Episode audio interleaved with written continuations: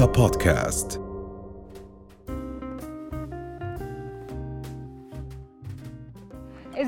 تعد دهون منطقة البطن من الأشياء اللي بتسبب مشاكل للكثير من الأشخاص وبتعدى الموضوع الجماليات إنما بنتقل للصحة العامة. اليوم معنا رند إديسي أخصائية تغذية علاجية لحتى نناقش هذا الموضوع. صباح الخير رند. صباح الورد يارا طيب في البداية خلينا نحكي عن التوازن الغذائي اللي ممكن نعمله لحتى نتخلص أو نمنع حدوث دهون في البطن. أوكي في البداية أهلا وسهلا فيكي بفريق دنيا دنيا مرة أخرى.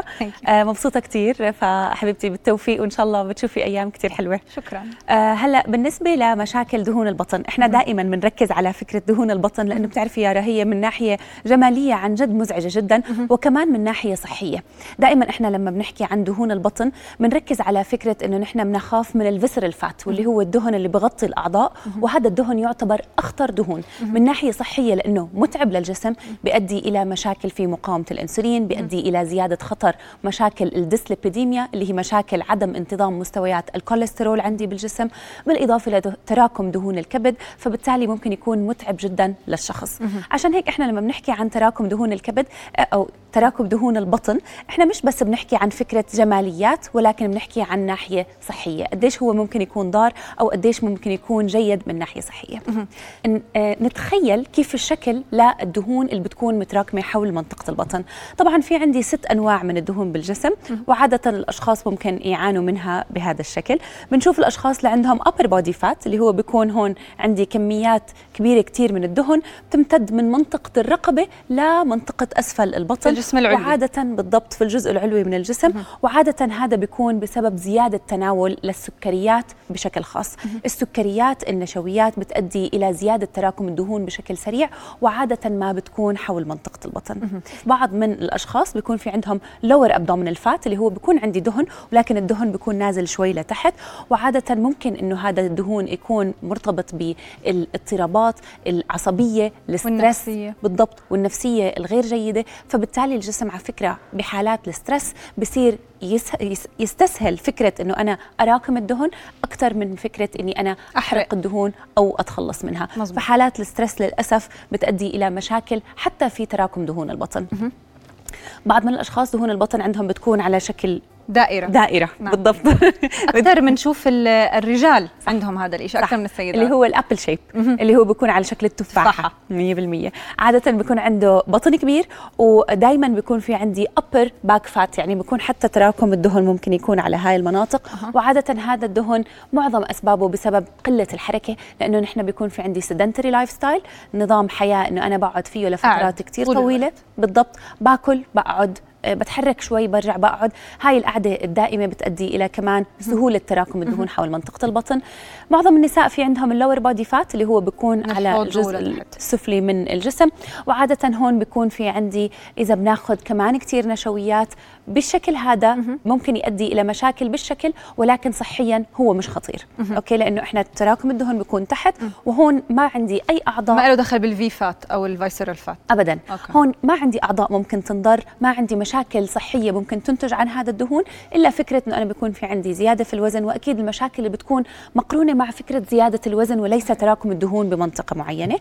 آه بعض من النساء بيكون في عندهم ترهل في منطقة البطن وعادة هون بيكون في عندي مشاكل بالتنفس. مشاكل بالنوم وكأنه بيكون عندي فتره فترة دائمة من الحمل. يعني آه، الدهون تبعت البطن ما بنتخلص منها وللأسف هاي الدهون ممكن تؤدي إلى مشاكل في النوم مشاكل في التنفس والسليب ابنيا وأخيرا بكون في عندي الدهون متراكمة في كل أنحاء الجسم وعادة هاي بتكون من آه، الوراثة بكون الشخص بيورث هذا الشيب للجسم فبالتالي هيك بكون عندي الشكل. طب أنا كسيدة لأنه عادة السيدات بتضايقوا من موضوع الدهون المتراكبة في البطن كيف بدي أعرف إنه هذه دهون ولا احتباس سوائل ولا أنا بحاجة لرياضة أكثر أو أقلل سكريات أو أتحرك كيف بدي أميز؟ أوكي. بتعرفي آه يارا في شغلة أساسية. دائما الأشخاص اللي عندها زيادة في الوزن من الطبيعي إنه يكون في عندها احتباس في السوائل. صحيح. والسبب إنه أنا لما يكون وزني 70 أو 80 كيلو الجسم بصير يبني كتلة عضلية لحتى يقدر يحمل هذا الوزن. بناء الكتلة العضلية بيجي مقرون معها احتباس سوائل في الجسم لأنه العضلة بتمسك مي. فالعضلة اللي عندي بتكون موجودة بالجسم بتخلي المي retains the water فبالتالي يؤدي إلى water retention أو هو احتباس السوائل. ولكن هو بالحقيقة مش مشكلة احتباس السوائل هو مشكلة زيادة وزن اللي بتؤدي إلى زيادة في العضل بتؤدي إلى احتباس السوائل. لحتى أقدر أفرق ما بين الدهون وانتفاخ منطقة البطن في عندي calipers نحن بنستخدمهم زي هيك شيء بيمسك الدهن فبالتالي إذا هذا الكليبر قدر يلقط على المنطقة بيعني إنه هذا المنطقة عندي إياها هي منطقة دهنية وأنا لازم أعالج هاي الدهون. إذا كان في عندي انتفاخ واضح في منطقة البطن وعادة بتكون بعد الولادة عند السيدات فهم بيكون في عندي مشاكل إما بالرحم أو بالنفخة الدائمة بسبب نقص البكتيريا النافعة عندي بالجسم. فاحتباس السوائل طبيعي مع زيادة الوزن. أه، لنتخلص من الوزن الزائد نتخلص من احتباس السوائل ومش العكس. تمام. يعني مش إنه أنا زاد وزني لإنه احتبس عندي سوائل. هو بسبب زيادة الوزن صار في عندي نتج عنها احتباس سوائل. ممتاز. كل ما نحن بيكون وزننا أعلى كل ما بيكون عندي فسر الفات أكثر كل ما هذا الدهن اللي هو ما بين الأعضاء ما بين الأحشاء جمع. متراكم بالضبط بتجمع. طبعا الدهن هذا بصير يضغط على الأعضاء بكل كل الأنحاء وعادة أول عضو بيتأثر بشكل كثير كبير من الدهون هو بيكون الكبد لأنه الكبد عادة هو اللي بفلتر هاي الدهون الموجودة عندي بالجسم. فللأسف زيادة تراكم الدهن على منطقة البطن بتأثر على جميع الأعضاء وأولهم تاثيرا هو الكبد. الكبد وللأسف كل ما نحن آه، آه، راكمنا دهون أكثر كل ما بيصعب علي إني أتخلص منها. إنتاج خلايا دهنية جديدة بالجسم عندي بيتم لما أنا بصير في عندي آه، اكتفاء من الخلايا من الدهن فبالتالي زيادة دهون بتؤدي إلى إنتاج خلايا جديدة. هاي يمكن تشبه حاله ال caliper اللي أنت عم تحكي لنا عنها. بالضبط. okay. قدرتنا على إنه نحن نمسك هاي المناطق بهاي الطريقة حتى لو أنا بحس المنطقة منتفخة ولكن قدرتنا على إنه نحن نمسك هاي المناطق بيعني إنه هذا دهن وليس انتفاخ أو ليس تراكم سوائل في هاي المناطق والحل هو التخلص التدريجي من الوزن لحتى أقدر إنه أنا أتخلص من منطقة البطن بالطريقة الصحيحة. نعم. دائما كل شيء بده وقت. اللي أنا زدته بفترة معينة ما راح أقدر أخسره بشهر أو بشهرين كمان بحتاج لوقت إني أنا أتخلص منه. زيادة الدهون خاصة في منطقة البطن أسرع من فقدانها أو زوالها؟ هم بصراحة بنفس ال rate okay. يعني بنفس ال ال ال ال ال rate بيمشوا أه. ولكن طبعا أنا بستسهل إني أزيد وزن وبستصعب إني أخسر وزن لأنه بحالات خسارة الوزن على سبيل المثال بعد ما أنا أزيد بالوزن بكون كبرت معدتي م. بكون عندي شهية على الأكل بكون في عندي آه، اختيارات متنوعة من الأكل فإني أنا ألجأ لهي الاختيارات سهل ولكن أصير أمتنع عن هاي الاختيارات صعب أنزل آه، حجم المعدة وكمان أعمل control لطريقة أكلي هو الصعب نعم هو يكون في عندي أعضاء طبيعية مقارنة مع أعضاء مغمورة ومكدس عليها الدهن بالطريقة الخاطئة وبالأخص ال visceral fat. قديش الأعضاء الطبيعية اللي ما عليها تراكم بالدهون شكلها صحي واللي عليها متراكم دهون للأسف بيكون غير صحي وممكن يؤدي إلى مشاكل على المدى الطويل.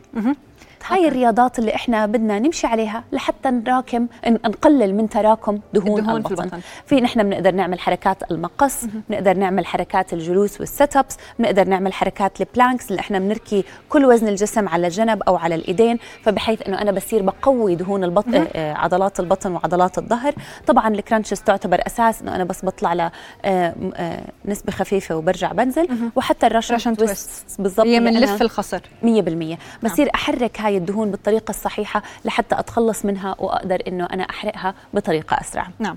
يعني اليوم اللي فهمناه إنه تقليل الأكل حفاظ على آه، نظام صحي والرياضة أهم شيء لدهون. دهون البطن. دهون البطن. والسكريات هل بتساعد؟ لأنه في ناس بتقطع سكر تماما فبتبلش تنزل دهون البطن عندها. شوفي يارا أنا دائما ضد فكرة الامتناع والانقطاع عن شيء لأنه عادة اي شيء أنا بمتنع عنه وبكون عن جد بحبه بتوصل لمرحلة الشخص بصير بيرجع لهاي المأكولات وبطرق مضاعفة. فالأفضل دائما هو التقليل التدريجي لحتى أنا أقدر أستمر بهذا الشيء وأحصل على النتائج اللي أنا بدي إياها. شكرا لك رن دائما معلوماتك مفيدة وجميلة وبتفيد جميع الناس.